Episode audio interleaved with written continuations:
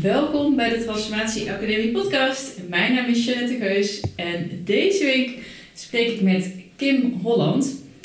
Ik moet heel eerlijk bekennen dat ik deze intro zeker al vier keer opnieuw heb ingesproken. En ik ook echt ontzettend heb getwijfeld van shit, moet ik dit niet gaan editen? Wil ik dit wel online zetten? En is niet uh, vanwege Kim, want Kim is echt een fantastisch mens. Het was een geweldig gesprek. Wat een energie uh, heeft die vrouw. En, uh, haar vrijheid en haar mindset is echt bewonderenswaardig en zeer inspirerend. Dus in dat opzicht was het echt een briljant gesprek waar ik nog lang op na heb zitten stuiteren. Um, maar wat ik niet zo erg aan had zien komen is dat Kim mij ook allerlei vragen ging stellen. En kijk, in het voorgesprek hebben we bijvoorbeeld over monogamie en polyamorie gehad. En um, Kim was in de veronderstelling dat ik in een polyamoreuze relatie zat. Dat is niet helemaal precies. En ik dacht ook van ja, tijdens de uitzending licht ik dat niet verder toe. Um, maar ik dacht misschien wil ik dat nog wel even dan in de intro uh, toelichten. De rest moeten jullie maar gewoon gaan beluisteren in het gesprek. Is dat, uh, ja, ik zit inderdaad in een open relatie met iemand die polyamoreus is. Um, en dat is echt gek. Zeer leerzaam. En uh, ik zou het echt op geen enkele andere manier uh, willen.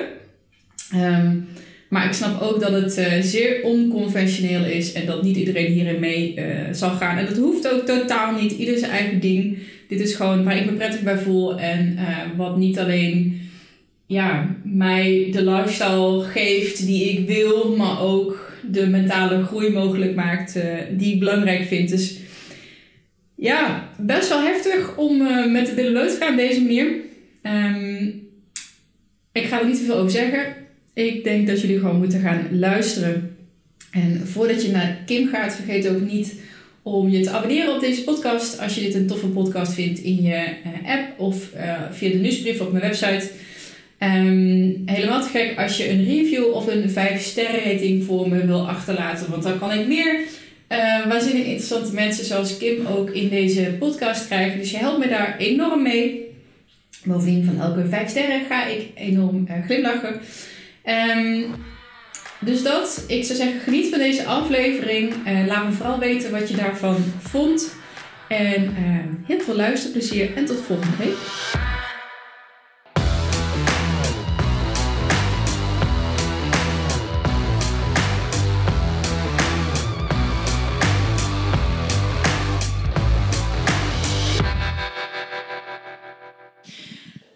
Ik zit hier bij uh, Kim Holland in je appartement in uh, Den Haag. Prachtig uitzicht hier over de hele stad. En superleuk ook dat ik uh, langs mag komen, dat je, met mij, dat je bij mij in de podcast wilde komen. Want ja, ik kan me haast niet voorstellen dat mensen jou niet kennen. Maar zou je dan toch voor de sporadische luisteraar die misschien heeft van... Ik weet niet meer, zou je jezelf voor kunnen stellen? Ja, natuurlijk. Nou, Jeanette, heel leuk dat je, dat je er bent. En um, we hebben stiekem elkaar natuurlijk heel even aan de telefoon gesproken, maar dat was echt maar vijf minuutjes. Uh, maar volgens mij gaat het een heel spannend uh, gesprek worden wat we samen gaan hebben. Ja, wie ben ik? Ik ben Kim Holland. En ehm, ik heb dit jaar vier ik dat ik 25 jaar ja, van ehm, zeg maar porno model werd ik uiteindelijk een soort pornoster. En ben ik daarna ook nog eens een keer uh, producenten enzovoorts uh, gaan doen. Dus ik heb al 25 jaar, uh, zeg maar, mijn kimholland.nl, dat is mijn eigen site. maar daarnaast werk ik ook en ben ik ook mede-aandeelhouder van Meiden van Holland, Secret Circle. Um, ja, dus je kunt zeggen, je hebt tv-zenders. En dat is ook heel spannend uh, om, uh, om te hebben, om te doen. En je begrijpt dan ook veel meer van het zakenleven, wat daar ook allemaal achter komt. Want dat zit er natuurlijk ook in. Hè? Ja. Het is mijn passie, het is mijn, mijn, mijn, mijn, mijn, mijn, mijn hart. Uh, genieten van seks, om dat ook door te geven, vind ik ontzettend belangrijk. De belangrijkste dingen die ja, buiten alle andere dingen, maar vooral je gelukkig kunnen maken. Daar ben ik echt van overtuigd. Dat heb ik ook altijd zo ervaren. Um, maar ik ben ook met coaching bezig. en spreker. Dat zijn ook weer twee verschillende dingen. Spreker in de zin van eh, dat je vertelt aan mensen, zowel hè, op het zakelijke vlak. Um, dan noem ik het van hoe heb je van hè, je naam een ijzersterk merk gemaakt. Mhm. Ehm, en dat is leuk natuurlijk om in de zakenwereld uh, te vertellen. Uh, maar goed, ze kunnen me natuurlijk ook boeken om iets te openen. En ik heb pas zelfs een bingo gepresenteerd, dus dat is best wel heel uh, verschillend waar ze je voor vragen. Um, maar coaching, dat is eigenlijk altijd mijn liefde geweest. Ik ben een boekenworm. Ik vind het fantastisch om daarover te lezen. Ik heb ook best wel wat cursussen ingevolgd. Uh, en dat gaat echt over ja, je eigen ervaring die je allemaal hebt opgebouwd. Uh, hoe, hoe je makkelijk aan mensen eye-openers kan meegeven. Maar ook ja, je positieve levenshouding die je zelf hebt. Om die energie ook aan anderen mee te geven. Ja, en dat is en ik zou het eigenlijk kort houden, sorry. Nee, nee, nee. nee. nou, dat triggerde me wel echt enorm. Het feit dat je die, die, die kant van jou, want die kende ik echt. Ja, ik denk dat heel weinig mensen dat uh, kenden. Want je had natuurlijk ja, Kim Holland, de porno-ster. En dan, ja, ik kijk nu geen televisie meer, maar dan uh, vroeger weer, zag ik je bij Jensen bijvoorbeeld of zo. En dan, en dan nu zo coaching. Oh, en ja, als je zegt van ik ben een boekenworm, dat is eigenlijk mijn echte uh, liefde altijd. Vind ik het heel erg leuk dat ik daar nu met jou dan over dit stukje mag uh, praten ook. Uh, en dat je dat nu ook, ja, die liefde uitdraagt, zeg maar. Super mooi om te zien. Ja, ja de, de, reden waarom ik toen met erotische films ben begonnen, dat was echt omdat ik er zelf achter kwam hoe lekker en hoe fijn en ongedwongen seks kan zijn. Mm -hmm. En hoeveel je daarin kwijt kan. En toen dacht ik, dat moet ik met name aan vrouwen meegeven. En hoe doe ik dat? Door eigenlijk te laten zien hoe ik geniet. Mm. er zit een stukje exhibitionisme in me. Uh, maar eigenlijk ook al gelijk vanuit een missie kan je het niet noemen, maar wel vanuit een, een, een enorme passie en drijf. Waardoor je dat gewoon wil laten zien. Ja. En dat ben ik dan in de films gaan doen. Uh, maar... Het is wel best wel een. Sorry dat ik je onderbreek trouwens, maar dat, dat lijkt me niet een hele makkelijke keuze. Dus je bent jong en ik kan me heel goed voorstellen dat je omgeving zoiets heeft van... ja, maar keer, wat ga jij nou doen? kan je niet iets anders bedenken om uh, dat aan mensen mee te geven? Ja. Kan je er iets over vertellen? Want dat is, ik, dat is iets waar... Ik heb het veel over lifecrafting en echt je eigen leven mm leiden. Nou, de dingen doen die misschien niet helemaal doorsnee zijn...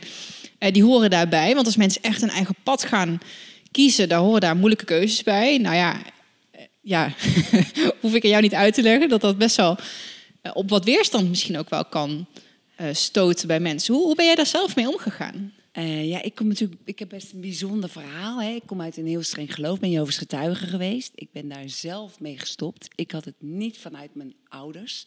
Dus ik ben daarmee begonnen toen mijn moeder met tien jaar overleed. Mijn oma studeerde daarin en die vertelde, ik kon haar terugzien. Uh, ja, wat wil je als meisje van tien of elf? Dan wil je natuurlijk je moeder terugzien. En toen ben ik dat best wel heftig gaan studeren. Um, ik heb daar mijn stapjes in genomen. Ik ben zelfs gedoopt daarin. Um, ik heb daar mijn partner toen in gevonden. En dan ga je maagd het huwelijk in. Dus dat komt er allemaal bij kijken. Mm. Dan weet je dus ook niet hoe je op seksueel gebied bij elkaar past of klikt. Hè?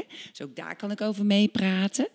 Um, maar ik ben daarna mijn uh, vorige partner tegengekomen. En die vertelde over Hey, natuurlijk word je eerst verliefd, maar tegelijkertijd uh, ga je dan natuurlijk ook praten over je fantasieën. En toen zei ik tegen hem, ik heb helemaal geen fantasieën, weet je. Ik vond het eigenlijk heel normaal om gewoon wel veel met seks bezig te zijn in de zin van hè, dat je, je man daar, daar zin in heeft en, en je ook je best doet om daar uh, op een stukje van ook te genieten, maar meer vanuit, als ik het maar hem goed geef, dan ben ik mm. een goede en brave echtgenote, dat gevoel. Uh, dan merk je ook dat dat natuurlijk niet helemaal zaligmakend is. Nou, en toen heb ik toch ook wel gedacht van, nou, dan ga ik toch ook maar hem het gevoel geven dat hij het heel goed doet. Dus dan was ik ook de fake ook nog eens een keer. Uh, maar dan kom je er uiteindelijk achter dat dat helemaal niet zo zaligmakend is en fijn is. En dat het heel belangrijk is om, om, om er zelf uh, van te genieten. En omdat je er niet over praat en omdat het niet een belangrijk issue dan op dat moment is, uh, dan, ja, dan krijg je een soort onrust, denk ik, in jezelf. Uh, met mijn nieuwe par partner toen der tijd ben ik gaan ontdekken wat het is om te genieten van seks. We hebben daar tijd voor genomen. Maar tegelijkertijd ook was zijn fantasieën, heeft hij aan mij allemaal verteld. En dat was dus onder andere om mij met anderen te zien. Dat was ook echt zijn fantasie, zijn kick en uh, zijn opwinding. Ja, en dan is het natuurlijk ook heel spannend, want je bent een soort, dat is heel moeilijk om uit te leggen, maar je bent een soort onbeschreven blad. Hè? Ja. Je hebt gewoon, ja, alles wat je zou hebben gedaan buiten het strenge geloof, zou sowieso fout en, uh, en, en, en, en slecht zijn. Dus als je een nieuw iemand leert kennen, daarbij ook nog eens een keer heel open en vrij over alles gaat, praten, dan ga je de eerste film met hem kijken. Je gaat voor het eerst naar de disco met hem. En zo is eigenlijk alles, uh, alles ontstaan. En vanuit die drang, vanuit die behoefte, maar ook vanuit die missie die ik dan had van oké, ik ben erachter gekomen. Hoe fijn. En ik wil ja. het aan de hele wereld laten horen, wat er nog orgasme is. Maar nog veel meer hoe je ervan kan genieten. En om je eigen lichaam te leren kennen. Dat waren de drijfsferen. En dan is het net helemaal niet zo moeilijk om een boodschap te brengen. Ik heb een heel streng geloof aan de deur moeten vertellen. Mm. En dat heb ik ook met dezelfde spontaniteit kunnen doen. Uh, ja, het is niet moeilijk om iets waar je zelf van overtuigd bent dat het ja. het belangrijkste is, om dat aan anderen mee te geven. En ja, ik heb het op een onorthodoxe manier gedaan. Niet met coaching, hè, maar met films maken. En ik denk ook dat dat uh, op dat tijdstip, toen ik ermee begon, uh, toen was er op dat gebied nog heel weinig. Hè? Ja. Ja. De, alles stond nog in de kinderschoenen. Hè? Ja. Internet was eigenlijk nog, uh, nou zeker zoals het er nu is niet, maar uh, je had een Pentium 75 toen ik begon. Nou, uh, voor de oude rolls weten we dat dat echt gewoon een, een, systeem was waar alles nog elle langzaam ging. Mm. Als je een filmpje wilde kijken, dan moest je hem vijf minuten downloaden voor je iets kon zien. Ja, dat is allemaal natuurlijk veranderd. Maar met name in die tijd begon opnieuw weer die seksuele revolutie in, in Nederland. En ik kan alleen maar heel trots zijn dat ik daar voor een groot stuk aan heb mogen, een deel heb mogen bijdragen. Ja, ja dat snap ik. en nu, want je, nu uh, spreek je ook in het bedrijfsleven ook, zei je. Hoe, hoe is dat zo ontstaan? Uh, ja, het bedrijfsleven, uh, dat is denk ik met name gekomen omdat wij uh, een jaar of zes geleden, toen zijn we met een aantal partijen bij elkaar gekomen en hebben we gezegd van, er is enorm veel vraag voor een tv-zender op erotisch gebied. Ehm, en als er behoefte komt, dan moet je die gaan invullen, zo mm. werkt het. Hè? We hadden natuurlijk zoveel materiaal wat we kunnen inzetten, wat uniek is, wat niemand anders ooit heeft gezien, behalve de mensen die bij ons op uh, onze eigen site, op kimmerland.nl, eh, kwamen of komen. Uh, dus eh, en de combinatie van ons team was gewoon bij elkaar heel sterk. We zeiden, we moeten dat gewoon gaan doen. En we hebben in twee maanden tijd letterlijk de tv-zender en er was gelijk vraag vanuit uh, nou, de echte maatschappijen zoals de KPN, de Ziggo's enzovoort. Dus dat is in een hele korte tijd. Maar dan ga je met zoveel andere dingen te maken krijgen. Dan zit je opeens in vergaderingen met uh, zes, zeven mensen. Uh, je moet over allerlei dingen besluiten gaan nemen. Dus je gaat een hele andere kant van je eigen bedrijf ja. krijgen. Weet je, in je eigen bedrijf ben je een soort ja, je, je, besluitvorming maak je eigenlijk heel snel. Misschien gewoon hier aan tafel. Hè, je, je zit met je personeel, maar zo gaat dat. Maar als je natuurlijk in veel grotere, uh, op een veel groter vlak gaat denken, dan ga je ook op een hele andere manier uh, ja, leren hoe je vergadert. En hoe je ook um, oplossingen gaat doen. Wij hebben altijd uit de box gedacht, sowieso vanuit Kim Holland. Maar nu doen we dat ook op een veel groter schaal.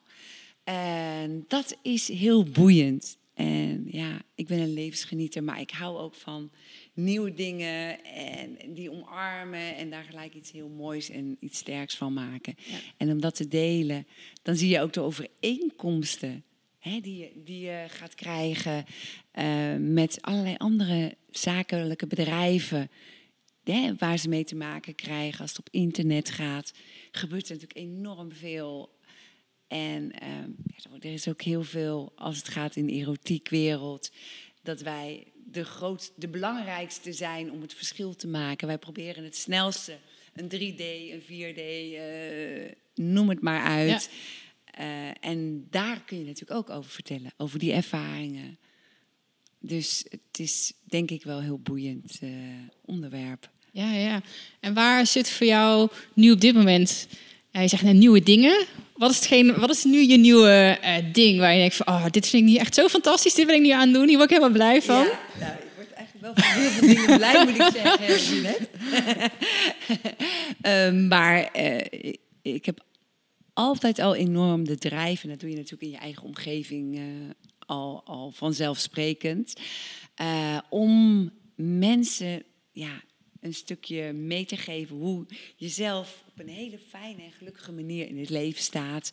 Dat je dat ook aan anderen kan meegeven. Mm. En dat heeft natuurlijk een heel groot deel te maken uh, met nou ja, heel veel voordelen die je in je eigen leven ondervindt, hè, door, door, door dingen die je hebt opgebouwd. Maar een ander heel belangrijk onderdeel is ook dat je door je vrijheid, door je openhartigheid, um, je ook heel veel mooie dingen meemaakt. En die, dat wil ik eigenlijk aan heel veel andere mensen meegeven. Met name mensen die het zo graag zouden willen, maar nog niet echt die, die, die, die tools hebben gevonden. Of die eye-openers hebben, waardoor ze uh, gelukkig kunnen worden in de liefde waardoor ze durven om te experimenteren waar, waar ze zelf gelukkig van worden. Uh, maar ook ontzettend belangrijk, en dan kijk ik ook heel graag de camera in, dat is om erachter te komen wat jou persoonlijk gelukkig maakt. Want leven, het leven wat een ander voor jou bepaalt, dat is zelden uh, gelukmakend.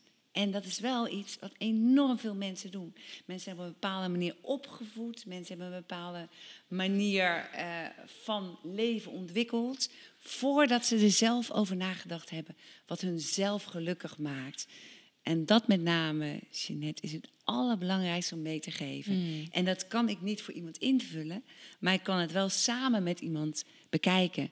En het kan zijn dat je veel meer kunt halen uit die relatie, omdat je gewoon nooit dat gesprek hebt gevoerd.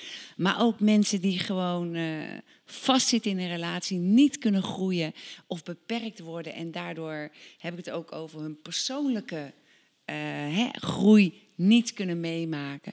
Ook daar is het ontzettend belangrijk om, om te gaan praten met elkaar. Want als je persoonlijk niet kan groeien, ja, dan, dan kan je die geluksfactor, die, die zo enorm belangrijk is om het verschil te maken. Mm. of om van jezelf zo te gaan leren houden dat je daar anderen mee heel veel positieve energie kan meegeven. Ja, want dat zie ik nu zelf ook. En dat is uh, ook al een beetje spannend nu als je een podcast hebt. Is dat je als je zelf vrijer wordt en meer ontspant en gelukkiger wordt. Um, ondanks dat, je misschien dingen doet. Nou, ik zit nu in een polyamoreuze relatie bijvoorbeeld. Hè, dat is dan ook alweer spannend. Maar aan de andere kant denk ik, ja, dat, dat mag ook wel gewoon iedereen weten. Omdat je daar zelf heel relaxed mee omgaat, gaan andere mensen, en zij hoeven niet hetzelfde te doen wat ik doe, helemaal niet. Maar wel zo van, oh, kan dat ook, weet je wel? Dus je, gaat, je laat mensen wel even nadenken en zien dat het ook op een andere manier kan. En dat is natuurlijk ja, precies jouw boodschap in dat opzicht. Van, goh, gewoon laten zien dat het ook uh, ja, op die manier kan zoals jij het doet. En dat hoeft niet voor iedereen zo te zijn. Maar ja, ik denk dat je daar wel heel veel mensen mee inspireert om ook net even weer uh, ja, te doen waar zij blij van worden. Ja. Ja, en het is leuk, want ik heb ook even gewacht tot dit onderwerp aan kwam. Voordat ik ging vragen. Nou, ik ga even op het puntje van mijn stoel zitten. ik, pak, ik pak ook even mijn microfoon. Want voordat ik mijn verhaal ga doen, vind ik het ook heel leuk om, om uh, van jou met name te horen Janet, hoe is jouw um, seksuele vrijheid ontstaan in je hoofd, in je geest en uiteindelijk ook in het, in het uh, echt gaan beleven? Ja. Hoe is dat bij jou nou, ik ontstaan? was altijd wel een vrij seksueel wezen in de zin van toen ik dat eenmaal had ontdekt wat, wat mijn lijf kon, wilde ik. Ik had het toevallig vanochtend nog over ja, dan wil je bijna niet anders weer. Dan denk je, oh, wat is dit? Magie, hè? ja, ja, nou, en ehm, ik, ik, ik, zie, ik weet ook nu pas dat uh, niet iedereen dat van nature kan. Je kunt een bepaalde energie opwekken met je lijf, een bepaalde seksuele uh, energie opbouwen. Um, en bij sommigen is dat meer dan bij anderen. Ja, ik, ik kom natuurlijk nooit met andere vrouwen vergelijken, want ik ken alleen mezelf. En nu denk ik van, oh, maar daar zit wel echt verschil tussen, bijvoorbeeld. En um, um, dus ik, ik, ja, ik, ik, was niet geobsedeerd of zo, maar ik heb er wel altijd heel erg van genoten. Ik vond het heel leuk. Een van mijn allereerste vriendjes kwam ik daar thuis en dan zat ik echt twee minuten op de bank en dan was van, nou, zullen we naar de slaapkamer gaan, weet je wel? Dus dat was altijd heel erg ik was 17, nou, ik, ik zijn boekjes, die vond ik zelf heel erg leuk om te lezen. Bijvoorbeeld, die dan, uh, hij was wat ouder, naast zijn bed lagen. Dus er zat wel heel veel vrijheid altijd in. Alleen dan, weet je, je studie en dan ga je aan werken beginnen en dan sneeuwt het langzaam een beetje onder. En uh, ik, nu kom ik erachter, ik ben dan 38, ik heb geen kinderen, gaat waarschijnlijk ook niet uh, gebeuren. Alsof er weer een soort van revival komt van dat oude plezier wat je erin had en dat ontdekken. En dat er een hele grote wereld nog daarbuiten is. De, swingers, de swingerswereld, eh, de BDSM-wereld, um, ja, polyamorie, uh, biseksualiteit. En ik heb zoiets van, ja, weet je, die interesse was er altijd al. Ik wil echt niet straks op mijn tachtigste op mijn sterfbed liggen en denken van, shit, ja, maar misschien had ik het wel heel erg leuk gevonden met vrouwen. Ja, is nou te laat. dus die soort van nieuwsgierigheid, die zat er altijd al. En ik vind het heel leuk om te merken dat, uh, dat, er nu, dat dat weer een beetje naar boven komt. Maar wat ik nu kan, wat ik vroeger niet kon, is dat ik het nu ook wat ja, schaamtelozer, maar zelfverzekerder.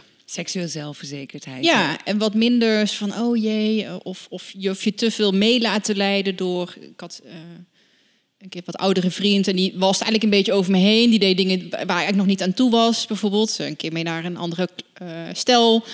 Ik was er veel te jong voor en we hadden een hele slechte relatie en er was allemaal drugs in het spel. Dus ik had dat toen niet moeten doen. En ik, ben, ik vind het heel leuk dat dat nu weer een beetje zo aan het opbloeien is. Dat maar onder jouw condities? Onder mijn condities. En omdat ik het leuk vind, in mijn tempo.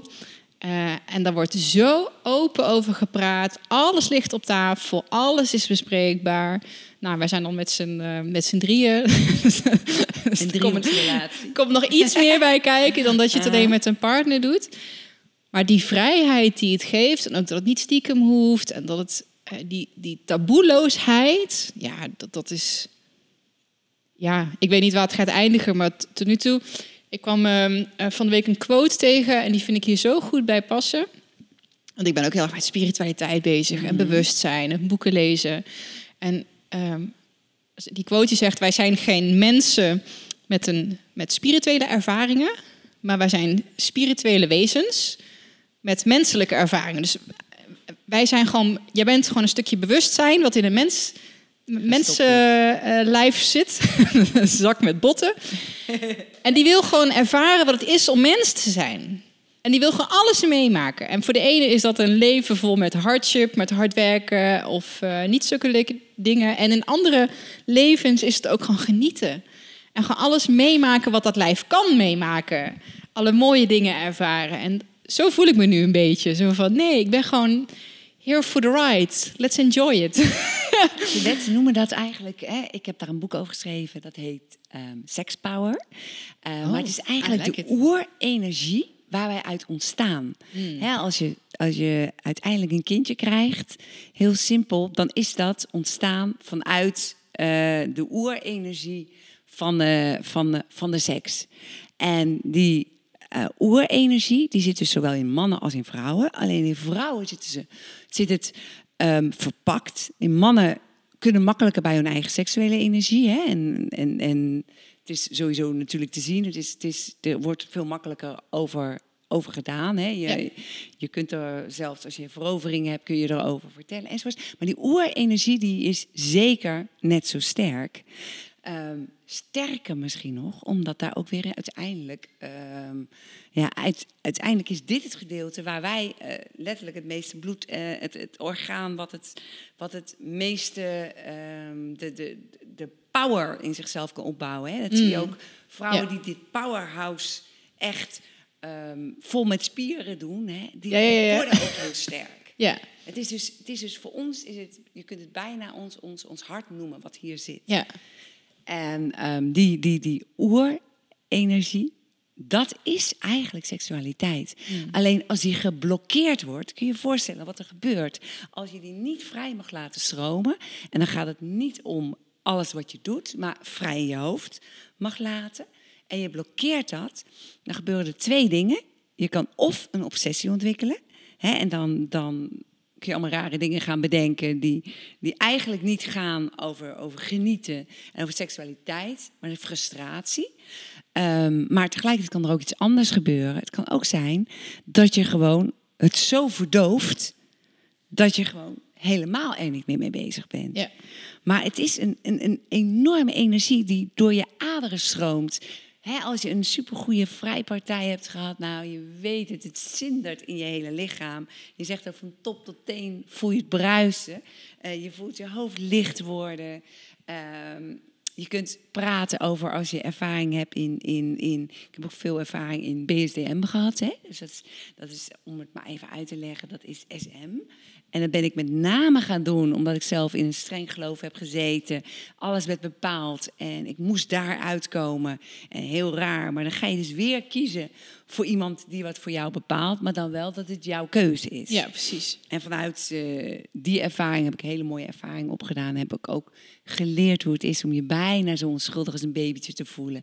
Na zo'n heftige sessie die je dan hebt ervaren, waar je eigenlijk een soort in, in, in geestelijk eh, klein gemaakt bent. En daardoor juist je heel sterk daarna voelt. En dat is heel moeilijk om uit te leggen als je die ervaring niet hebt. Ja, en nou, ik, ik, ken wel wat mensen die wel in die hoek zitten. Ehm, mensen denken vaak van, oh, dat heeft te maken met pijn en echt met dominantie. Maar eh, er is juist zoveel liefde in het spel. Juist. Eh, en mensen vergeten dat volgens mij vaak. Eh, want je moet zo met elkaar in contact staan. Of jij nou degene bent die zeg maar boven of onder staat. Eh, je moet elkaar zo vertrouwen en het zo het beste met elkaar voor hebben aan alle twee kanten. Anders werkt het niet. En je moet elkaar zo goed kennen, want je moet Ja. aan spierspanning zien wat de ander voelt. Ja. Dus het is zo'n intense vorm eh, van ja, beleven. Hè. Het is, het is, het is, je hebt natuurlijk allerlei varianten. Je hebt de hele geestelijke variant. Je hebt natuurlijk ook de lichamelijke variant, hè, waarin je kan leren om. Hè, als het dan gaat over een soort lustslavin om los te komen van jezelf. Ehm, ik doe daar zelf, moet ik zeggen, in SM niet, niet, niet meer. Eh, maar dat heb, proces heb ik heel hard nodig gehad om zelf zo sterk en seksueel zo sterk ehm, te worden. Ehm, en ja, goed, dan kun je daarna natuurlijk keuzes maken wat je wil. Maar die ervaring met name is heel belangrijk voor mij, eh, voor mij geweest. En ik begrijp ook voor... Nou, ik, eh, ik heb zelf nog niet, zeg maar, daar gestaan. Ik merk dat ehm, het, het mentale aspect vind ik heel interessant. Ehm, ook omdat ik, omdat ik altijd heel erg in mijn hoofd zit, misschien wel juist. Wat ik heel mooi vind, en wat misschien, ja, dat klinkt een beetje raar om dat zo, om dat zo open over te zijn. Maar die totale overgave. Dus Daar jezelf echt helemaal, dat is voor mij zo van de hoogste vorm van liefde. Eh, en ik weet niet of dat, ja, voor mij, dat is natuurlijk heel persoonlijk.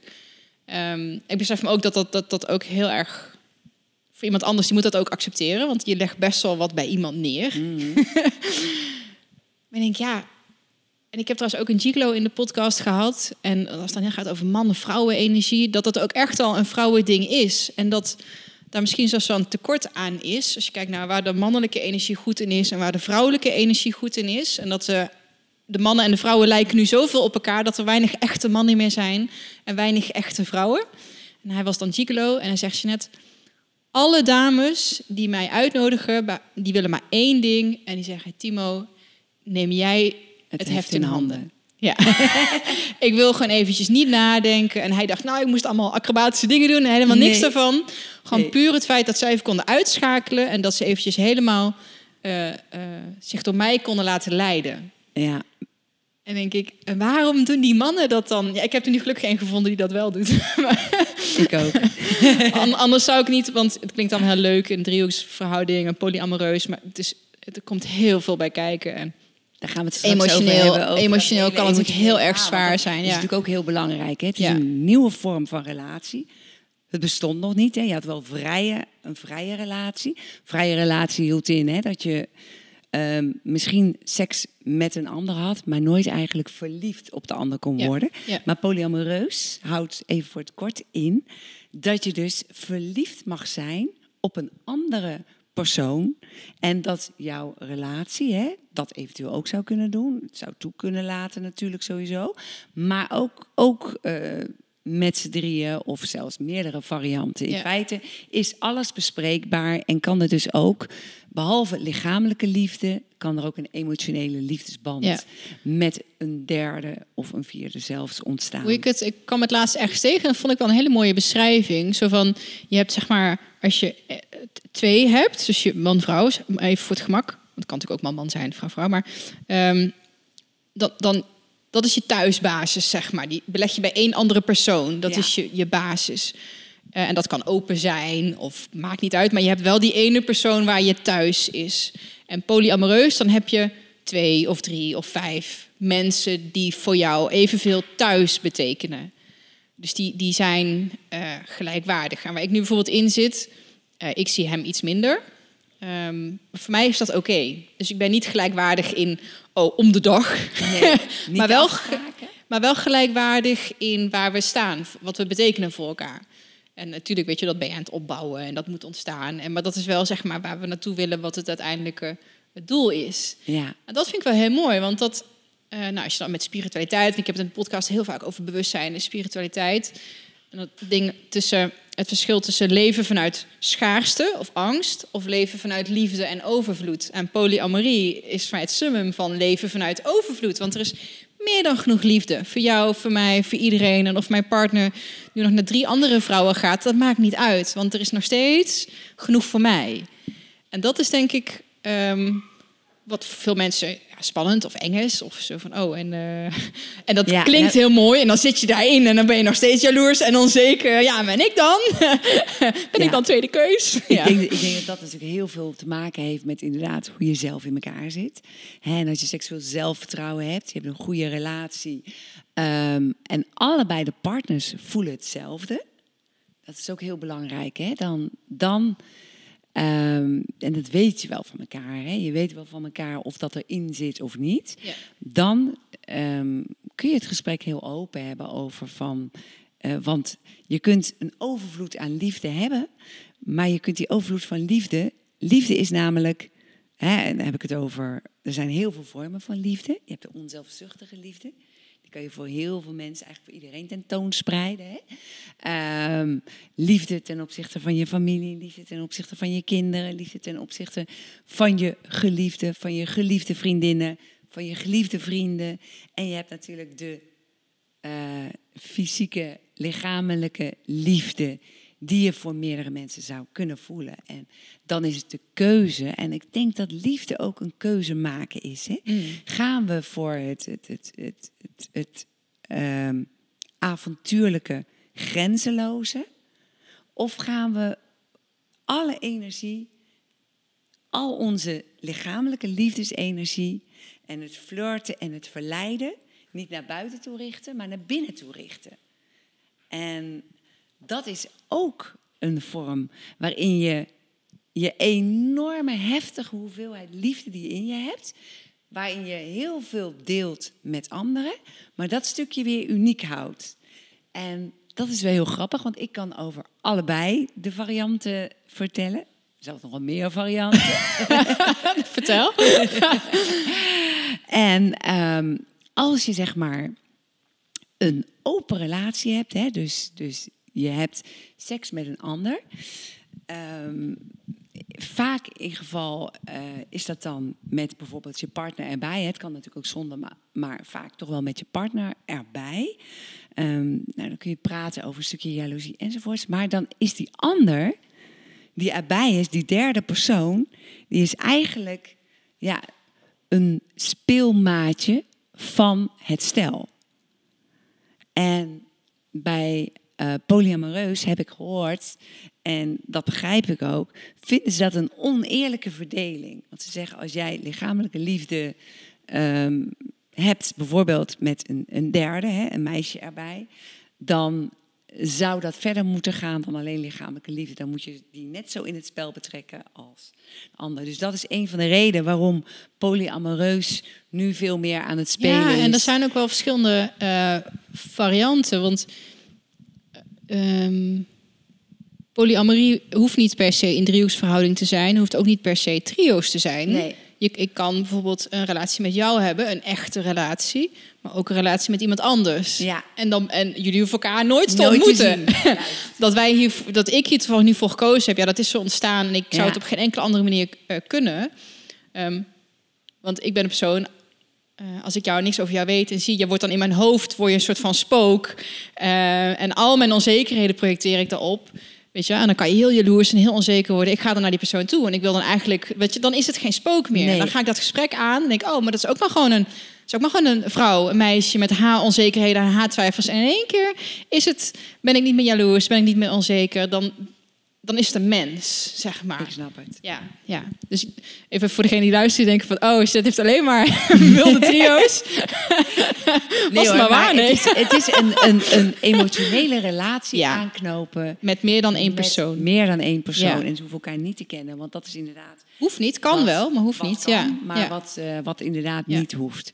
Ehm, maar het is, het is mooi om over de nieuwe vormen van liefde te praten. Want denk jij, Jeanette, dat dit ook allemaal meer is gaan spelen nu we met social media zoveel meer vrienden krijgen, zoveel meer contacten leggen, zoveel meer. Ah, ik denk Eh. eigenlijk dat dat er misschien mee te maken heeft. Maar wat ik wel zie, en het, blijkbaar, want ik ben, ik ben ook geen millennial, ik ben daar iets te oud voor.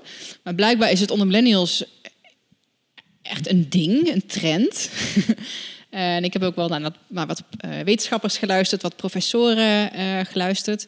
En zei, vroeger had je gewoon inderdaad je, de kerk dan al helemaal, maar je had een partner, je ging trouwen, kinderen maken en je moest ook bij elkaar blijven, want je moest voor elkaar zorgen en er was niet genoeg, eh, niet, waren niet genoeg middelen, eten, geld. Dus je, je, moest, je had units, je had family units en die zorgden ervoor dat de maatschappij kon blijven bestaan.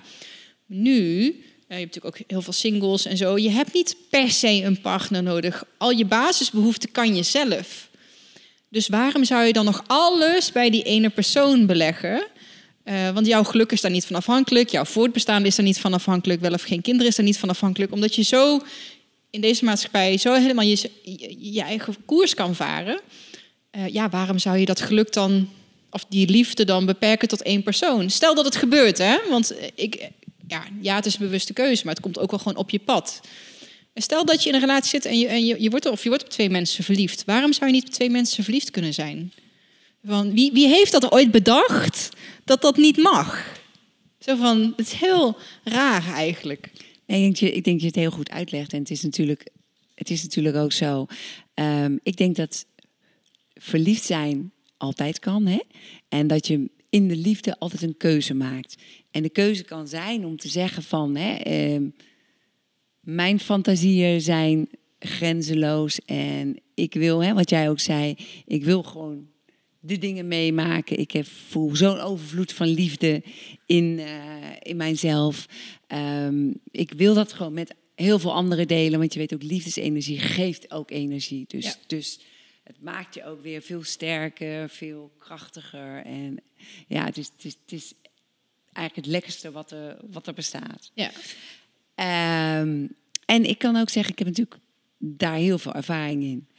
Ehm, en dat is ook een hele mooie, spannende tijd geweest. Ik wil zeggen, ik vind het Eh, heel interessant dat jij nu net een hele bewuste andere ja, keuze hebt gemaakt. Ja, heel leuk ja. om, om, om dat te vertellen. Maar het is geen boodschap om een keuze te maken. Het is een, bo- een boodschap eigenlijk om te kijken van wat past er bij jou.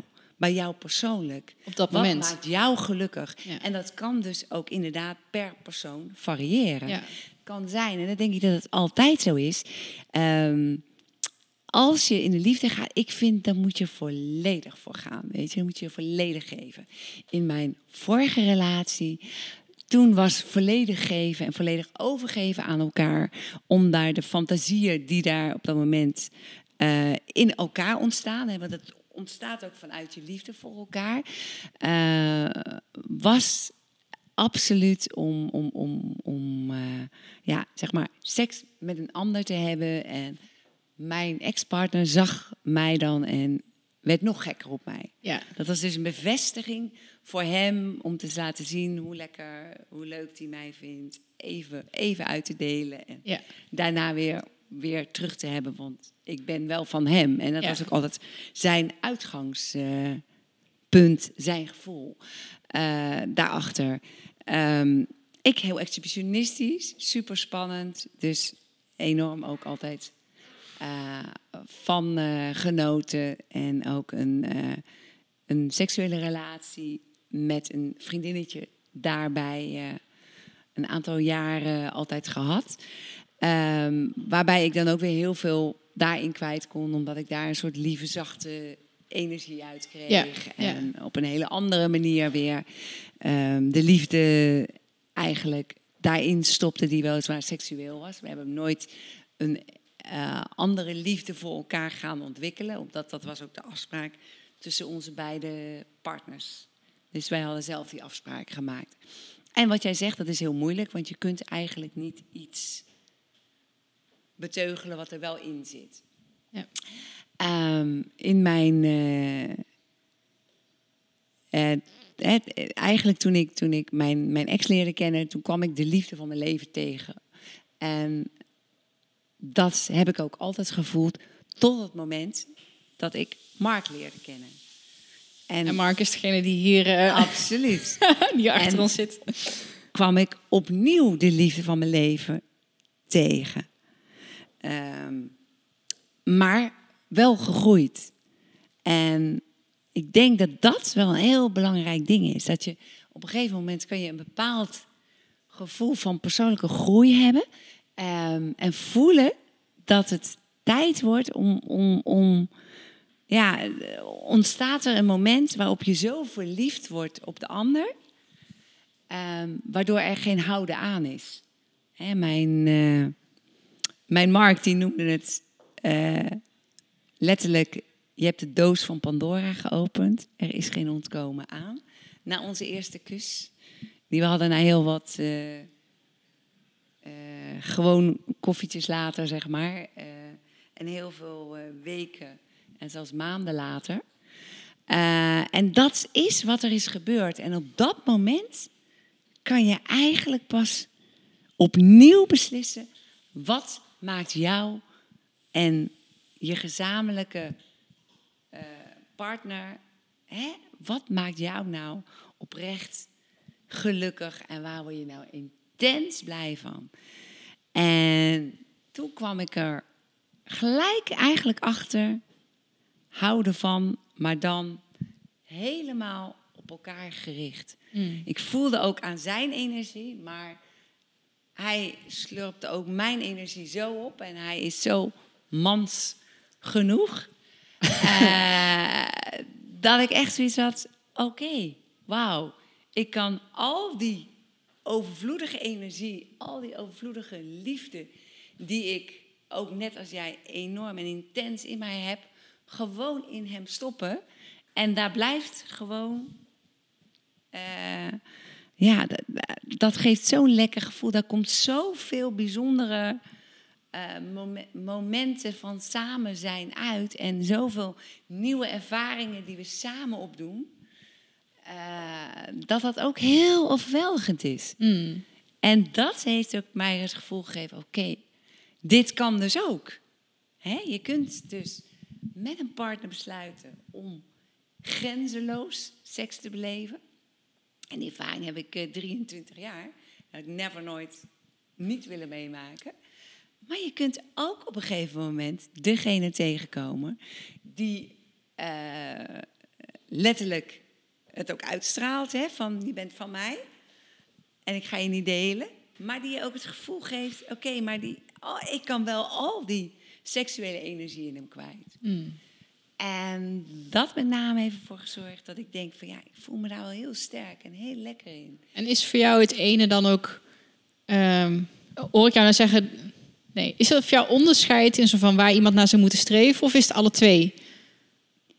Ja, ik Goed. denk dat juist die keuzevrijheid zo enorm belangrijk Ja, dat is. mensen zelf mogen kiezen. Want ik vind ook mono... keuzevrijheid Ja. in jezelf. Ja. Maar dat je net zo goed kan kiezen voor een vrije relatie, maar ook net zo goed voor monogamie. Ja, want monogamie is ook een keuze. Monogamie is ook een keuze. Ja. En daar heb je ook je avonturen mee. Alleen, wat is ontzettend belangrijk? Waarom gaan er zoveel mensen vreemd?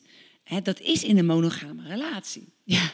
Want ja, je gaat niet vreemd in een open relatie. Dus je gaat vreemd in een monogame relatie. En waarom gebeurt dat? Omdat er geen vrijheid in denken is. En die vrijheid in denken, die is enorm belangrijk. Want die zorgt ervoor, als jij seksuele vrijheid in je hoofd hebt, dan ehm, is het weer een keuze om te maken of je daar wel of niet met je partner andere stappen in wil nemen. En dat kan ook uiteindelijk in een monogame relatie. Dat mensen zeggen, we praten erover en we gaan toch een keer een andere, een andere stap meemaken. Ehm, maar over het algemeen gaat het erom, als jij die vrijheid in je hoofd niet mag hebben, dan ontwikkel je letterlijk iets in je hoofd waarvan je denkt, maar hoe zou het zijn met die ander? Of hoe zou het zijn met... eh, en die stap, dat is een keuze. Ja. Maar die maakt je dus makkelijker en onbewuster stap je in, in een verhaal waarin je vreemd gaat of wat dan ook, als je niet open mag zijn in je eigen hoofd. En wat, wat beperkt dat, denk je? Of waar, waar, komt dat, denk je, vandaan? Dat, het bij mensen geblok- geblokkeerd is? Dat is dat niet die vrijheid ervaren. En als je die blokkade dan hebt, hoe, ja, hoe kom je erachter dat je blokkade hebt? En hoe kan je dat dan weer openbreken? Ja, heel veel mensen die leven, hè, je hebt het zelf ook over spiritualiteit en over. eh, het heeft ook te maken met eh, hoe ben je opgegroeid? Kom je uit een liefdevol nest? Hè, mocht jij in de familie gewoon jezelf zijn? Ehm, mijn papa bijvoorbeeld, die geloofde niet, maar die zei: Als jij daar, daar troost in vindt, ik ondersteun je daarin. Die was bij mijn doop zelfs erbij. Nou, Ehm, hij zei tegen mij, en dat denk ik is denk ik het allermooiste wat je aan een kind kan meegeven, maar eigenlijk aan iedereen. Als jij gelukkig bent, ben ik gelukkig. En dat is denk ik de allerbelangrijkste boodschap die ouders aan hun kind kunnen meegeven. Niet van ik ben zo opgevoed, dus ik geef je deze normen en waarden mee. Nee, wie ben jij? Zit er een kunstenaar in jou? Ben jij degene die, die misschien het verschil in het leven wil maken over openheid en vrijheid? Ben jij de journalist? Of zit er juist in jou eh, de moeder? Zit er in jou de onderwijzer? Zit er in jou. Het maakt niet uit wat er in jou zit, maar volg je eigen leventje. Maak je eigen keuzes. Maar laat je zeker niet beperken door derden. Je mag altijd raad aannemen, dat is enorm belangrijk. En ehm, ik zit hier ook geen vrijbrief te geven om maar gewoon eh grenzeloos iets te gaan doen zonder na te denken over wat het voor consequenties heeft. Want die vrijheid zorgt ook voor dat je verantwoordelijkheden moet nemen en dat je eh, ervoor, voor, want je weet, elke keuze zorgt er ook voor dat je met consequenties te maken hebt. Dus ook die consequenties moet je heel goed overdenken. Want dat is wel iets heel belangrijks. En als je dat kan, dan ben je een soort geestelijk volwassen. En als je geestelijk volwassen bent, dan mag je nog zo kind zijn als wat. Maar dan kun je makkelijke keuzes maken. En besef ook dat het keuzes zijn die je maakt op het moment met de persoon met wie je op dat moment bent. En als je nog helemaal geen vaste relatie hebt enzovoort, ontdek eerst wat maakt jou simpel gelukkig. Waar word je blij van? Wat geeft jou energie? En als jij stout en ondeugende gedachten hebt, laat ze vrij. Die mag jij hebben. Die zijn zo belangrijk. Die kan je in een relatie stoppen. Die kan je ook voor je, hè, die kan je ook zelf ehm, in flirten en verleiden stoppen. Daar ben je helemaal vrij in. Maar die keuze is met name zo enorm belangrijk. En die kun je eigenlijk alleen maar 100% overtuigend doen, zoals jij zegt. Hè, van je bent in een veel te vroeg stadium ergens ingekomen waarbij je helemaal niet die, die, die sterke relatie had, waaruit het vanuit je eigen hart, vanuit je eigen gevoel doet, maar mee bent getrokken. En dat is niet de bedoeling. Dus Ja. het is geen vrijbrief om iemand te zeggen van... oké, ik ben de sterkere persoon. Ik bepaal dat wij nu die, die, die, die vrijheid samen gaan hebben. Maar je ontdekt het of samen of je ontdekt het alleen. Maar je, je staat dan ook open voor eh, de consequenties. Ja. En je doet het ook niet zonder erover goed nagedacht te hebben. Ja, ik denk, en zoals ik het zie, en ik had. ehm, wat die man toen in mij zag, was een bepaalde interesse, denk ik. En, ik, en die had. Dat hij deed het wel echt omdat hij dacht dat ik dat heel erg leuk zou vinden. Dus het is niet een monster of zo. ik was daar gewoon helemaal nog niet, niet klaar voor. Ik was veel, nog veel te onzeker. Ik was super onzeker. Ehm, en nu is die interesse er nog. Ja, dat is zo'n groot verschil. Maar dat, toen was ik 19, ja, dus dat is bijna 20 jaar geleden. Je, je, je hebt daar best wel wat rijping voor nodig. Je komt jezelf ook heel erg tegen in dat proces. Je komt eh, tegen dat je misschien wel jaloers bent. Of eh, onzeker bent over jezelf. En daar moet je dan wel mee dealen. En dan kan je wel voor weglopen. Ehm, ja, het is een hele mooi, eigenlijk een hele mooie ontdekkingsreis, zeg maar. En juist die vrijheid, die speelse houding, dat is iets wat ik nu pas aan het leren ben. Maar die, en denk, oh, zo fijn. Je wil eigenlijk gewoon dat iedereen dat dan ook eh, kan nu- ervaren. je staat nu in die, in die geestelijke volwassenheid, hè, wat ik Ja. doe. En dan kan je er dus speels als bijna als een kindje voelen. Ja. Omdat je... En dat is niet altijd, hè? Want soms dan zijn er echt momenten dat ik. En dan ga je overal aan twijfelen. En dan denk ik, oh, er wordt eh, oneerlijk gedaan. Of eh, er wordt niet aan mij gedacht. Maar dat zijn al je, alle angsten die je ooit hebt gehad, die zullen naar boven komen. Eh, en dan is het aan jou om gewoon bij jezelf te blijven. En dan zeg je, ja, maar is dit echt waar? Is het echt zo dat ze niet het beste met mij voor hebben? Weet je? En als je echt dan heel eerlijk gaat denken, nee, dat, ik kan niet met zekerheid zeggen dat ze echt niet het beste met mij voor hebben. Maar dat zijn allemaal je eigen bindingsangst, je eigen verlatingsangst. Je bent continu op zoek naar, zie je wel, zie je wel, dit wordt niks. Zie je wel, dit is verschrikkelijk. Zie je wel. Nee, je, Het- het- continu op zoeken naar wat- ja, wat- de wat- saboteur. Ja, en, De hele en, tijd. en dat is denk ik een groot verschil, hè? want ik ben eigenlijk nooit zo in mijn hoofd bezig geweest. Ehm, ik heb eigenlijk alles altijd een beetje vanuit het, het, het, het, het speelse gelijk, gelijk omarmd. Zo van, Ja. ik heb nog nooit dat meegemaakt. Ik stap graag in het diepe. Ehm, en ik zeg al, hè, een stukje exhibitionisme, dus dat maakt het ook heel makkelijk. Daarnaast het trotse gevoel van je, je partner op dat moment, die, die, die daar enorm op kikt. Ehm, maar de kick die krijg je natuurlijk zelf daardoor extra.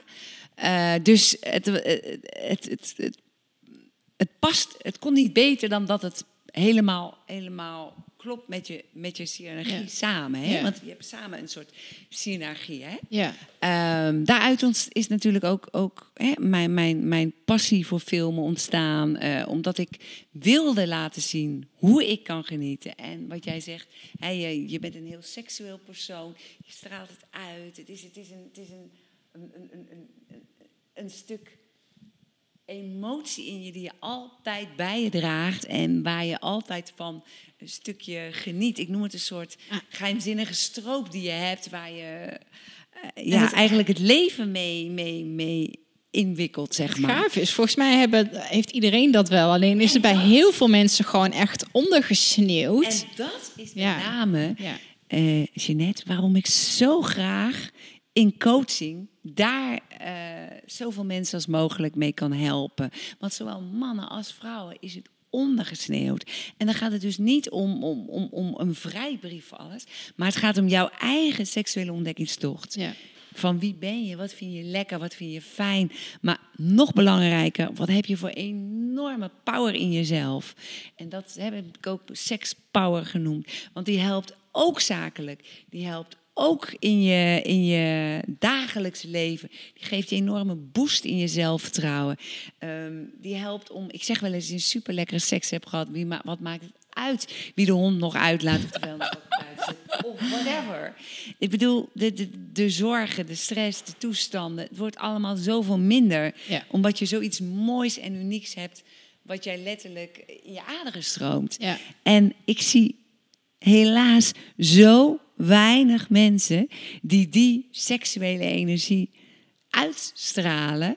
En, eh, of misschien ooit vroeger een sprankeltje hebben gehad, maar gedacht hebben van, dit is niet Ja, of, normaal. een, of een niet zo leuke ervaring. Want ik, heb- Eh, ik heb, ja, inderdaad. ja, ik, ja. Heb, ik heb dit gelijk maar een, een, een schild eromheen gemaakt. Want ehm, dit heeft mij in de problemen gebracht. Omdat ik eigenlijk, hè, wat te jong bedoelen, was of verkeerde personen jong, tegen ben gekomen. eh, nog niet de consequenties kon overzien. Er zijn natuurlijk zoveel redenen. Nog niet de juiste partner heb kunnen aanvoelen eh, die bij me past. Er kunnen zoveel redenen zijn, maar de belangrijkste boodschap is: ontdek het, ontdek het. Het is niet te laat, het is nooit te laat. En het zit in ons allemaal. En we hebben het, ja. En ik vind echt... Dat is één vraag die, ah, die wil ik hem stellen, maar dan wil ik weer iets anders zeggen. Wat je, nou, ja, het is niet echt een vraag, vraag, maar eh, de relatie tussen liefde en porno. Ik heb wel eens naar gesprekken te luisteren van een kennis van me. En dan was het over liefde en over vrijen. En eh, dat dat dan niet met pakjes en, en met porno. Weet je, alsof het- daar werd porno een beetje afgedaan als minderwaardige liefde. En dan niet porno op televisie, maar gewoon de, de type seks. Want je, je hebt natuurlijk, je kunt vrijen of je kunt porno hebben. zeg ja, maar. porno. Niet ook porno seks. Helemaal. Precies, ik ben voor. maar, en dan, ik luister dat gesprek en denk, ja, maar wacht eens even. Hoezo mag je geen pakjes aan? Ehm, mag je geen, eh, is, is, ehm, zijn siliconenborsten minderwaardig? Ehm zo van, ik vond een beetje, zo van, kijk, onze spiritueel verheven eh, zijn en jullie daar met jullie pornoseks, alsof dat dan minder is. En ik vind dat wel een, een interessant, want zo wordt het wel een beetje over gedaan. Zo van, ja, als het dan porno is, weet je, dan is het niet, niet, niet zo mooi. Nee, niet zo ik denk dat- verheven. ik denk dat het ook met, met aan de ene kant, eh, als we, als we even, even heel kort uitleggen, pornofilms, die zijn gemaakt letterlijk als erotisch entertainment. Ehm, zie het als een, eh, als een thriller wat je zit te kijken. Je hoeft het niet helemaal zo op die manier mee te maken. Ehm, hè, en het is inderdaad vijf minuten dit, vijf minuten dat, vijf minuten zus. Het is niet bedoeld als opvoeding, eh, seksuele opvoeding. Wat Ja. overigens heel veel wel zo zien, omdat het het enige is wat zij zien. Hè? Ja. Dus, dus met name ehm, is porno bedoeld als erotisch entertainment. Dat gezegd hebbende, is pornoseks een andere vorm van seks hebben. Maar ook een hele lekkere vorm van seks hebben. Als je ook maar de intimiteit kent. Ja, precies. Dus als je de intieme seksrelatie kent. Hè, Mark en ik zeggen ook als wij eh, zeg maar heel heftig drillborst seks hebben gehad. We zeggen, nou schatje, nu gaan we even de zachtere versie maken.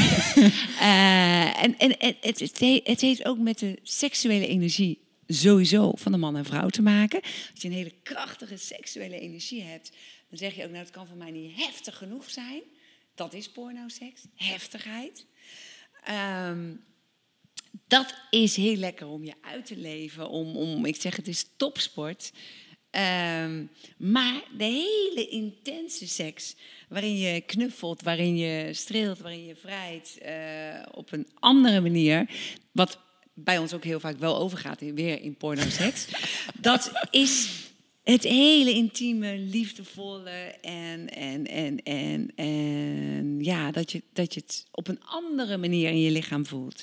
Dus je moet het wel allebei kennen. Ja, ik denk Als dat- je alleen maar het ene kent, dus alleen maar het, Ja. het knuffelseksgehalte, het vanilleseksgehalte, dan gaat er een soort saaiheid optreden. Dat kan niet anders, want ons lichaam verlangt ook naar actie, verlangt ook naar heftigheid. Ja. Ehm, als er alleen maar pornoseks is, ehm, waarbij je dus niet hebt geleerd om te kussen, om te strelen, om, om, om, om, om op een softere manier te penetreren, eh, dan ontstaat er iets heel anders. Dan wordt seks een liefdelozere bezigheid. En dan heeft het niet alles meer te maken met intimiteit die je Ja. met elkaar deelt, waarbij je ook weer een hele andere energie aan elkaar geeft. Dus je hebt het eigenlijk allebei nodig. Maar niet één vorm eh, is zaligmakend. In feite is het de combi van allebei. En het is overgave. Het is, het is eh, sport. En het is enorm gezond, want je gebruikt ook nog eens een keer al je spieren tegelijkertijd. Dus ik ben niet voor een vrouw die zo ligt. Zullen we dan maar, schat? en ik ben ook niet voor de man die alleen het drillboor-effect heeft. Ja. Dus het is heel belangrijk om daarin enorm te kunnen variëren. Om, om wel een keer een, een sexy pakje aan te kunnen doen. En, en, en, en allerlei rollenspellen te durven te spelen. Om, om allerlei personages van jezelf te laten zien. Want dat is natuurlijk ook een bevrijding in jezelf. Ehm, maar er moet ook momenten zijn waarin je gewoon kan knuffelen, strelen. Totdat het helemaal niet om de seks draait. En waarin er ook uiteindelijk ook geen seks komt. Want als het alleen maar een opsomming is van we doen dit, we doen dat. En daarna hebben we seks. Dan heeft dat net zo weinig, eh, ja, eigenlijk echte lading meer. Dan dekt het net zo weinig lading als dat je, als dat je alleen maar met vanilleseks bezig Ja. bent. Ja, ik denk dat die. eh, eh, het gaat, maar. Je moet die connectie hebben. En, je moet, en, ehm, en dan maakt het eigenlijk volgens mij het vormpje niet meer uit. Nee. Op dat moment. Want je bent daar dan met z'n tweeën of met z'n drieën of met z'n vijven. maakt het niet. En je, je bent zo open en bloot. Eh, althans, dat is voor mij zo van als ik daar ben geweest, dan was het goed. Een soort van de roes, hè? Je bent zo. Ja, je bent alleen nog maar een energievormpje, zeg maar. Wat, wat gewoon vrij is. En ja, die speelsheid. En dat is of dat nou hard of zacht is, of met porno op de achtergrond of niet, of met een pakje aan of niet. Het, maakt, het gaat om, denk ik, dat gevoel, dat ultieme stukje gevoel wat je dan ervaart op dat moment. Of zo. Althans, ja. Ja, het is, je, het is je sekspower. Ik blijf het zeggen. Het is, Oh, zo, ja. het is zo simpel. Het is die energie. Ja, dat was wel een beetje een brandende vraag. Dus ja, dat, weet je wel. Ah, Ik vond het toen zo irritant om naar te luisteren. Nee, wij hebben echte liefde, dus wij doen niet aan porno. Ik denk echt, maar dan sla je zo'n groot deel over van wat het ook kan zijn. En dan wordt het een beetje afgedaan als minderwaardig. Je denkt, ja, maar ho eens even. ja, ja. Ja, Ja. maar ook dat heeft vaak weer te maken met hoe ben je opgevoed. Eh, wat vinden anderen ervan? Ehm dat merk je natuurlijk ook. Hè? Meisjes die bij mij komen, die zeggen... Oh Kim, ik droom er al zo lang over. Ik wil zo graag films maken. Dit is echt mijn passie. Dit is echt mijn... mijn ja, hier ben ik zo goed in. En dit is het gewoon voor mij. En dan eh, hè, eh, maken ze beginnen ze vol goede moed aan, aan, aan films maken. Ehm, maar dan kan het dus ook gebeuren dat jouw omgeving zegt: Ja, maar dit snap ik niet. Hè, films worden natuurlijk ook in andere getoond. Hoe ga je daarmee om? En dan zie je de meisjes die trots zijn op wie ze zijn. En gewoon zeggen van, vanuit een soort zelfverzekerde, seksuele zelfverzekerdheid: van dit is mijn passie. En kijk ernaar of niet, maar dit ben ik ja. en dit maakt mij gelukkig, dan zie je het verschil of het meisje wat in de schulp kruipt en zegt: Oh ja, maar dan stop ik er toch maar gelijk mee. En als je dan kijkt hoe dat in het leven eh, loopt, als je een keuze maakt en je voelt je daar goed in en je zegt: Dit is echt wie ik ben, ontdek het dan ook. Weet je, laat jezelf ook, ook eh, verrassen door, door het moment. Denk erover na natuurlijk. Maar laat je niet te snel door anderen zeggen hoe je leven moet leiden. Want zelden kunnen andere mensen, of eigenlijk nooit kunnen andere mensen in jouw schoenen staan. En met jouw bagage en met wie jij bent eh, een besluit nemen. Die nemen een besluit omdat zij iets vinden vanuit hun bagage, vanuit wat hun hebben meegemaakt. Hoe zij in het leven staan, hoe zij zijn opgevoed. En daar moeten we ons niet laten, laten leiden. We moeten ons laten leiden door ons hart en een stukje door wat we weten, ons verstand. En maar onze buik. zeker onze buikgevoel absoluut ook een eh, belangrijke rol laten spelen. Wat ik echt een enorme eye-opener vond. En ik zit even te denken eh, waar ik dat had gehoord. Volgens mij bij Byron Katie. Ja, Als je heel erg bezig bent met eh, wat andere mensen denken. En ook heel erg. En ik heb dat ook wel eens als ik even in het rood schiet. Dan heb ik hele gesprekken in mijn hoofd met andere mensen die er op dat moment niet zijn. Met situaties die helemaal niet aan de orde zijn. Weet je, dan ga je piekeren. Maar als je continu bezig bent met andere mensen en andere situaties. En dan zat zoiets van, maar, maar wie staat er dan op dat moment achter het roer? Op jouw schip, op dit moment, nu hier, terwijl jij in je hoofd bezig bent met X, Y, Z, dacht ik echt, oh wauw, ja, shit. Elke seconde dat ik met iemand anders zijn leven bezig ben, wie, wie leidt mijn leven dan? Ja, niet ik, want ik ben met, met hem of haar of dat bezig. Dan dacht ik echt, shit. Ja, sterker nog, hoe het, vaak heb je... Ja, weet je, en dat het bouwt niet aan je, aan, je, aan je persoonlijke kracht. Nee, omdat je het roer uit handen geeft, want jij bent bezig met iets anders. Ja, en het is nog gevaarlijker, want je geeft het roer uit handen. Maar als je dat dus gewend bent, dan geef je het roer aan die uit handen, maar ook aan die uit handen en ook aan die uit handen. Dus je hebt ook nog niet een, een laten we zeggen, hè, als je zegt maar even je stuurloos voelt, dat kan natuurlijk. Je hebt mensen die op een gegeven moment echt naar zichzelf op zoek zijn.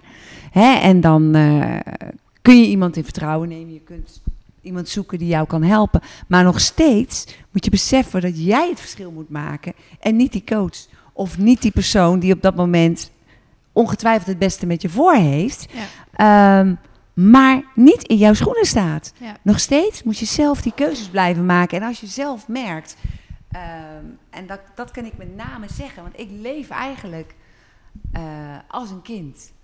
Ik leef zo vrij. Ik ben niet veel in mijn hoofd bezig met wat anderen vinden.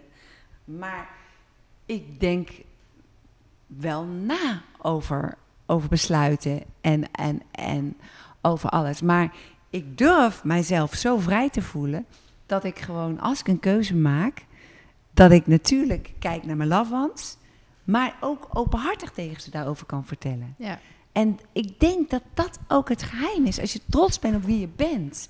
En dat zouden we allemaal moeten zijn. We zouden allemaal, dat is ons geboorterecht. Dat we, dat we vrij zijn in ons hoofd, vrij zijn in ons lichaam. En dat we trots mogen zijn op wie we zijn. Dan krijg je hele andere energie om je heen. En dan kom je ook hele andere, andere mensen tegen. Ja. Hè, ik, eh, ik zie zelf ook mensen die, die, die heel veel dingen in hun leventje hebben meegemaakt. Eh, die kunnen twee keuzes maken. Die kunnen het allemaal steeds op zich laten neerdalen en in dezelfde situatie blijven hangen. Waardoor ze eh, aan de ene kant begrip hebben, hè, eh, maar waardoor ze niet vechten. Waardoor ze niet het verschil meer kunnen maken. Eh, en er zijn hele mooie organisaties. eh, Stichting Seksueel Hulp. verlening. eh, die heeft bijvoorbeeld een hele mooie actie nu. En die zegt, hè, mensen die slachtoffer zijn van seksueel misbruik, die heel veel dingen hebben meegemaakt in hun leven, ehm, die kunnen verschil maken, die kunnen weer een held worden door anderen daarmee te helpen, door er zelf eh, zo ver eh, overheen te kunnen zijn gegroeid dat zij anderen hun energie mee kunnen geven om dat ook te doen, om ook te vechten, om ook het verschil te maken, want iedereen verdient geluk. En geluk is er voor iedereen. Het is niet zo dat er op de aarde een paar blokjes zijn en die krijgen geluk en die krijgen geluk. En whatever je hebt meegemaakt. Voor de ene zal het makkelijker zijn om het blokje geluk te omarmen. Maar het is voor iedereen weggelegd. Dus wat je ook in je leven hebt meegemaakt, het mag nooit een reden zijn. Nooit een reden zijn om niet je geluk te kunnen vinden. En dat is iets heel moois. En eh, zij organiseren een gala. Ehm, en zij hebben een, een, een eh, ja, in principe hebben zij een aantal mensen. Die hebben zij eh, naar voren gehaald. Die vooruitsprekende voorbeelden zijn over wat zij ook in hun leven hebben meegemaakt. Dat zij er op hun manier sterker uit zijn gekomen. En om, om ook te laten zien, ook een beetje het MeToo-verhaal. Van MeToo-verhalen zijn de verschrikkelijke verhalen. Maar ehm, laten we ook de positieve verhalen van mensen die dingen hebben meegemaakt. Maar die er sterker uit zijn gekomen, om daar de nadruk op te leggen. En dat gala is in oktober en eh, daar zal ik eh, bij zijn. En daar zal ik zeer met trots eh, naar luisteren. En daar ja, hopelijk ook een mooi aandeel in kunnen hebben. Mooi. Ja. Hey, ik wil nog even terug naar wat je in het begin zei. Want je zei, we hadden het over boeken. En ik vind het altijd superleuk. Ik, ben, ik ben echt een boekengeek. Ja. Ehm, ik ben altijd op zoek naar tips. Oké, Ehm, dus, eh, heb jij zo, oh, dat boek, dat heeft me zo de ogen geopend. Of dat ze iedereen eens moeten lezen. Kan je iets... Het eh, allereerste boek wat ik heb gelezen, dat is heel lang geleden, toen ik, toen ik zeg maar mijn nieuwe stap ging maken in, in, in eh, de wereld, toen ik uit mijn geloof stapte. Dat was van Wayne Dyer, niet morgen, maar nu. ja? Dat is een heel bekend boek natuurlijk. Eh, dat, die boodschap is zo mooi, want dat zegt eigenlijk dat jij zelf elke dag zelf 100% kan bepalen welk leven jij leidt. En op welke manier je leven leidt. Eh, en dat was aan de ha- hand van een aantal hoofdstukken. En elke week nam ik één hoofdstuk, dacht ik daar ook heel goed over na. Vooral ook omdat ik natuurlijk uit een heel streng geloof was gestapt. Ehm, alleen maar hel en verdoemenis zou mij ten deel vallen. En eh, ik dacht, ik moet iets hebben, een houvast, waardoor ik stappen kan maken in het positieve. Want ik ben heel positief in mijn leven en dat zit gewoon in mijn geboorte, zeg maar. Hè. Mijn vader noemde mij vroeger ook altijd een clowntje. En eh, het zonnetje. Dus dat zit echt in mijn hele personality. Eh, en ik dacht, ik moet een boek hebben wat mij daar eigenlijk in een aantal weken zo op het spoor zet dat ik eh, het strenge geloof achter me kan laten, het nieuwe leven als een nieuw avontuur kan zien. En het boek heeft mij enorm geholpen. En ik heb heel veel andere boeken eh, gelezen, omdat ik hou van boeken lezen en ik hou nooit van gewone boeken lezen. Ik wil altijd een boek lezen wat gaat over iets, hè, waar je zelf wat Ja, ja, wat, ja. wat, wat uithaalt. En ehm, natuurlijk heb ik boeken gelezen over seksuele vrijheid, boeken gelezen over Nancy Friday, over alle fantasieën die er zijn, hè, voornamelijk vrouwenfantasieën, want die zijn grenzeloos. En je kunt ze niet bedenken of een vrouw heeft ze bedacht eh, hè, of, of heeft erover gefantaseerd. Dat is natuurlijk hele boeiende materie. Er zijn heel veel verschillende boeken over, over als het gaat over hè, filosofische gedachten, als het gaat over psychologie. Maar het allermooiste vind ik ehm, dat, je, dat je zelf bij niet morgen, maar nu de stap maakt. Ja. Dat je zegt hè, van je kunt alles lezen, je kunt alles tot je nemen, je kan het als een spons opzuigen, maar doe er wat mee. En die, stel het niet uit het morgen, maar nu.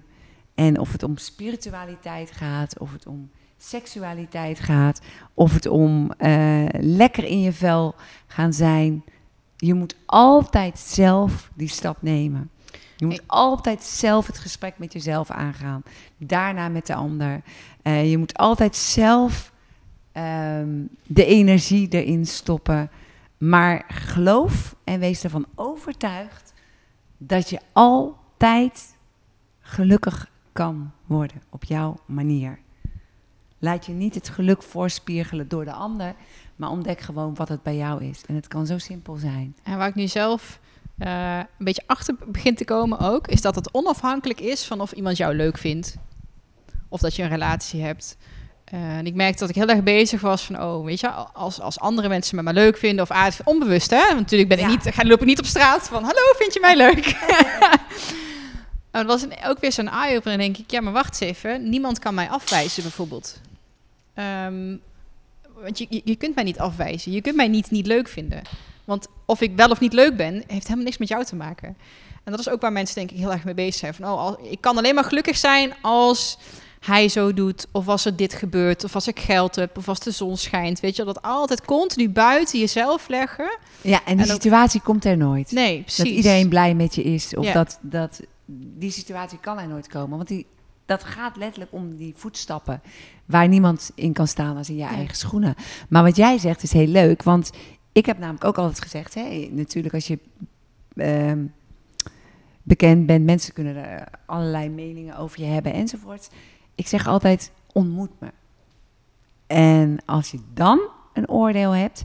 Kijk, ik vind iedereen mag iets vinden, hè? Dat Tuurlijk, is ook heel ja. belangrijk. Dat Ja. is ook je, je, je vrijheid van meninguiting, hè? Vrijheid van meninguiting is net zo goed dat je iets afkeurt of dat je iets niet leuk vindt of wat dan ook. Alleen ik daag uit en zeg ik dan, als jij iets vindt en je keurt iets af, om wat voor reden dan ook, ga het gesprek met mij aan en kijk of, of het dan nog voor jouzelf zo duidelijk een afkeuring is. Ja, En dat is denk Dan doe je precies waar we het straks over hadden. Gewoon je, Ja. je, je confronteert het. Ja, Het maakt niet uit. maar dan- mensen ja. mogen het wel vinden, want dat vind ik wel heel belangrijk. Ik weet met onze kinderen, met de opvoeding, eh, hebben wij toen ook gezegd: jullie mogen je eigen mening hebben over dingen. Het is heel belangrijk. is zelfs essentieel. Want anders zou je opleggen van: maar mijn normen en waarden zijn, moeten de kinderen hebben. Ehm, en, en wij hebben, en dat is ook alleen maar heel fijn met onze, on- onze kinderen, ondanks eh, mijn bekendheid en ondanks. eh, dat je natuurlijk toch een, een, een beroep eh, uitoefent waar heel veel mensen iets van kunnen vinden, hebben zij eh, daar altijd hun eigen mening over mogen hebben en, en, en ook over gehad. En dat heeft er alleen maar voor gezorgd dat ze eigenlijk heel mooie mensen zijn geworden. Stuk voor stuk hebben we drie hele mooie kinderen neergezet die allemaal op hun eigen unieke manier denken. En dat met name is denk ik het allerbelangrijkste. Mm. En dan gaat het niet om hoe je bent opgevoed. Want die opvoeding mag eigenlijk alleen maar zijn dat je ze alle drie ook weer, hè, we hebben het over drie kinderen, dat we ze alle drie ook hun eigen keuzes hebben laten maken. En als je dat met name aan andere mensen kan meegeven die iets vinden van jou, dat mogen ze vinden, hè? want zij hebben hun eigen normen en waarden enzovoort. Alleen je mag ze uitdagen om te zeggen, ontmoet mij, heb het gesprek met mij en kijk of je het nog steeds zo vindt. Ja. Want dan pas, ja, eh, dat is met alles. ja, want mensen maken er toch een verhaal van in hun hoofd. Maar ga, ga in ieder geval even checken of het verhaal wat jij in je hoofd hebt, of dat klopt met de realiteit. En als je dan alsnog denkt van nee, het is, het is niet voor mij, prima, weet Ja. je wel. Maar gelukkig zijn we niet allemaal hetzelfde, denk ik En dan. dan denk ik dat het ook heel belangrijk is, de diversiteit in Ja. ons, eh, in ons mensen. Dat we allemaal anders zijn, anders kunnen denken. En dat we daarom ook ons niet door anderen een, een, een leven moeten laten opleggen. Mm. En ik zie met name, als ik kijk naar de grote groep mensen die eh, pillen slikken omdat ze het niet meer zien zitten, die, die, die, die depressief zijn, die, die eh, onzeker zijn, die enorm naar zichzelf op zoek zijn. Jongeren die, die denken van ja, ik heb eigenlijk alles, maar ik heb eigenlijk niks. Ehm, die met name, die groep zie ik missen dat ze durven zichzelf te zijn. Ja, dat ze Dat zelf ze die durven hebben, ja. om, om zichzelf te ontdekken. Eh, Zowel op, op, op, op, op, op, eh, op hartsniveau als op seksualiteit. En dat is denk ik de allerbelangrijkste boodschap die we nu eh, aan, aan, aan de millennials mee kunnen geven. Er is zo'n openheid als het gaat om, om, om, films kijken. En, en, en iedereen kan alles zien en alles leven en alles lezen. En alles eventueel meemaken. Maar ja, ik zeg sinds Tinder er is. Tinder is een heel mooi instrument om, om, om mensen te leren kennen. Maar het is ook een gevaarlijk instrument.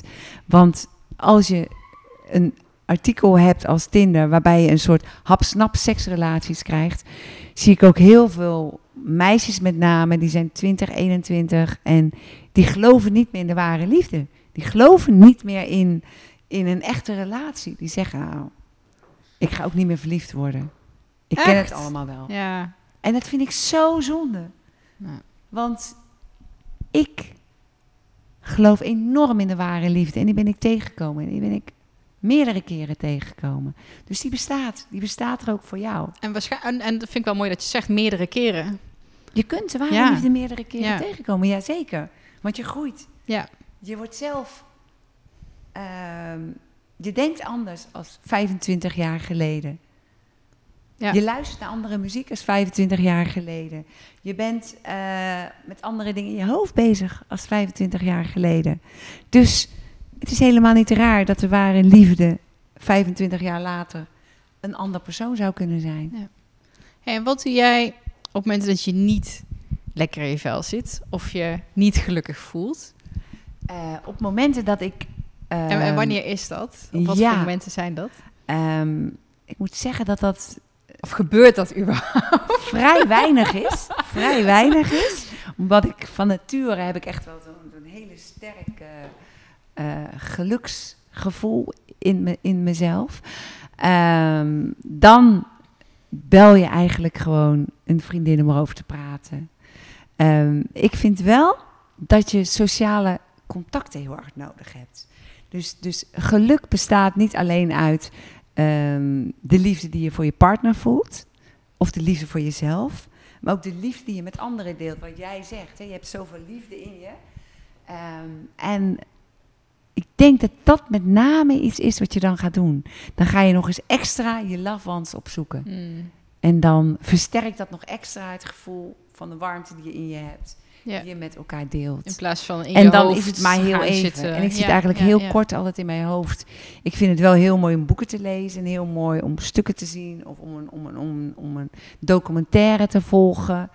Eh, maar ik ben eigenlijk veel meer bezig met naar anderen toe eh eye-openers te geven waar ik extra gelukkig van word. Ja. Want als ik zeg maar het gevoel heb van hè, dat jij hier zit en ik heb jou op de bank gehad en, en je bent blij dat je bij me bent geweest. Je hebt een, een, een, een, mooi gesprek gehad en, en we hebben daar samen heel veel uit gehaald. Dan is dat een geluksgevoel. En met name dat soort geluksgevoelen koesteren. En je kunt nooit eh 100% door de dag hetzelfde geluksgevoel hebben. Maar je kunt wel altijd blij en tevreden zijn met je gevoel. En Mhm. dat met name is denk ik waar het om draait. En die geluksgevoelens, die komen extra naar boven. Hè? Als je het super hebt op seksgebied, als je lekker sportief bezig bent, als je eh, mooie gesprekken met elkaar hebt, als je mooie gesprekken met je partner hebt, als je mooie eh, avonturen meemaakt, dan komen die geluksgevoelens extra naar boven.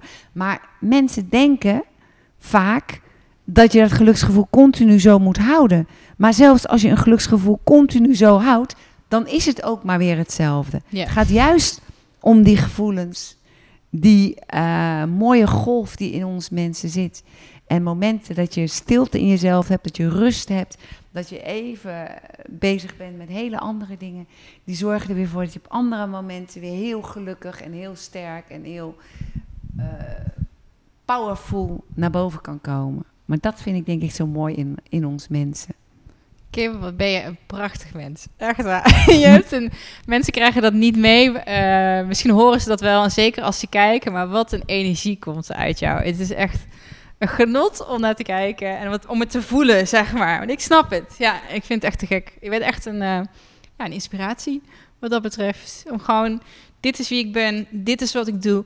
Take it or leave it. En dat met zo'n soort van openheid en eh, liefde voor jezelf en de wereld te doen. Ja, dankjewel daarvoor. en dat wij daarna mogen, dat wij daarvan mee mogen genieten. Ja. Nou, lieve Ja. Jeanette, ik vond het heerlijk om je bij mij hier in, eh, in huis te hebben. Eh, ik heb je maar heel even kort toegesproken. Ik was ook heel benieuwd naar ons gesprek. En ik vind ook jouw openhartigheid, jouw uitstraling, spannend, jouw eh, onbevangenheid, ehm, hè, jouw eh, warmte die je ook uitstraalt. En inderdaad, je bent een heel liefdevol en je hebt heel veel liefde in je. En ik denk dat het heel mooi is. En eh, ik hoop dat wij met ons podcastgesprek deze liefde en deze overvloedige, warme energie naar iedereen die dit meeluistert, die dit meekijkt, hebben meegegeven. En onze beide boodschap is eigenlijk gewoon: leef jouw leven. En of het is dat je gaat experimenteren, of het is dat je een polyamoreuze liefde kiest, die echt een nieuwe relatie vormen kan zijn, die heel mooi en heel eh, puur is.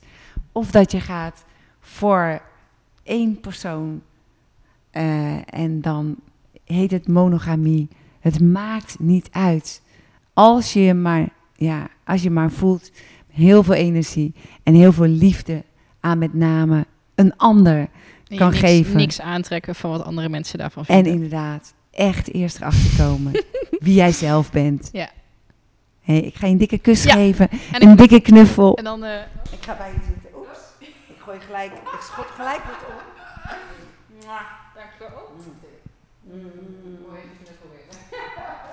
Weet je, een knuffel, die moet je lang vasthouden. Wist je dat? Als je een knuffel warm en vast dan voel je namelijk als kaars hard. Oh, wacht. Ja, Volgens mij eh, klopt die allebei eh, redelijk snel. Volgens mij doet hij het. Dankjewel.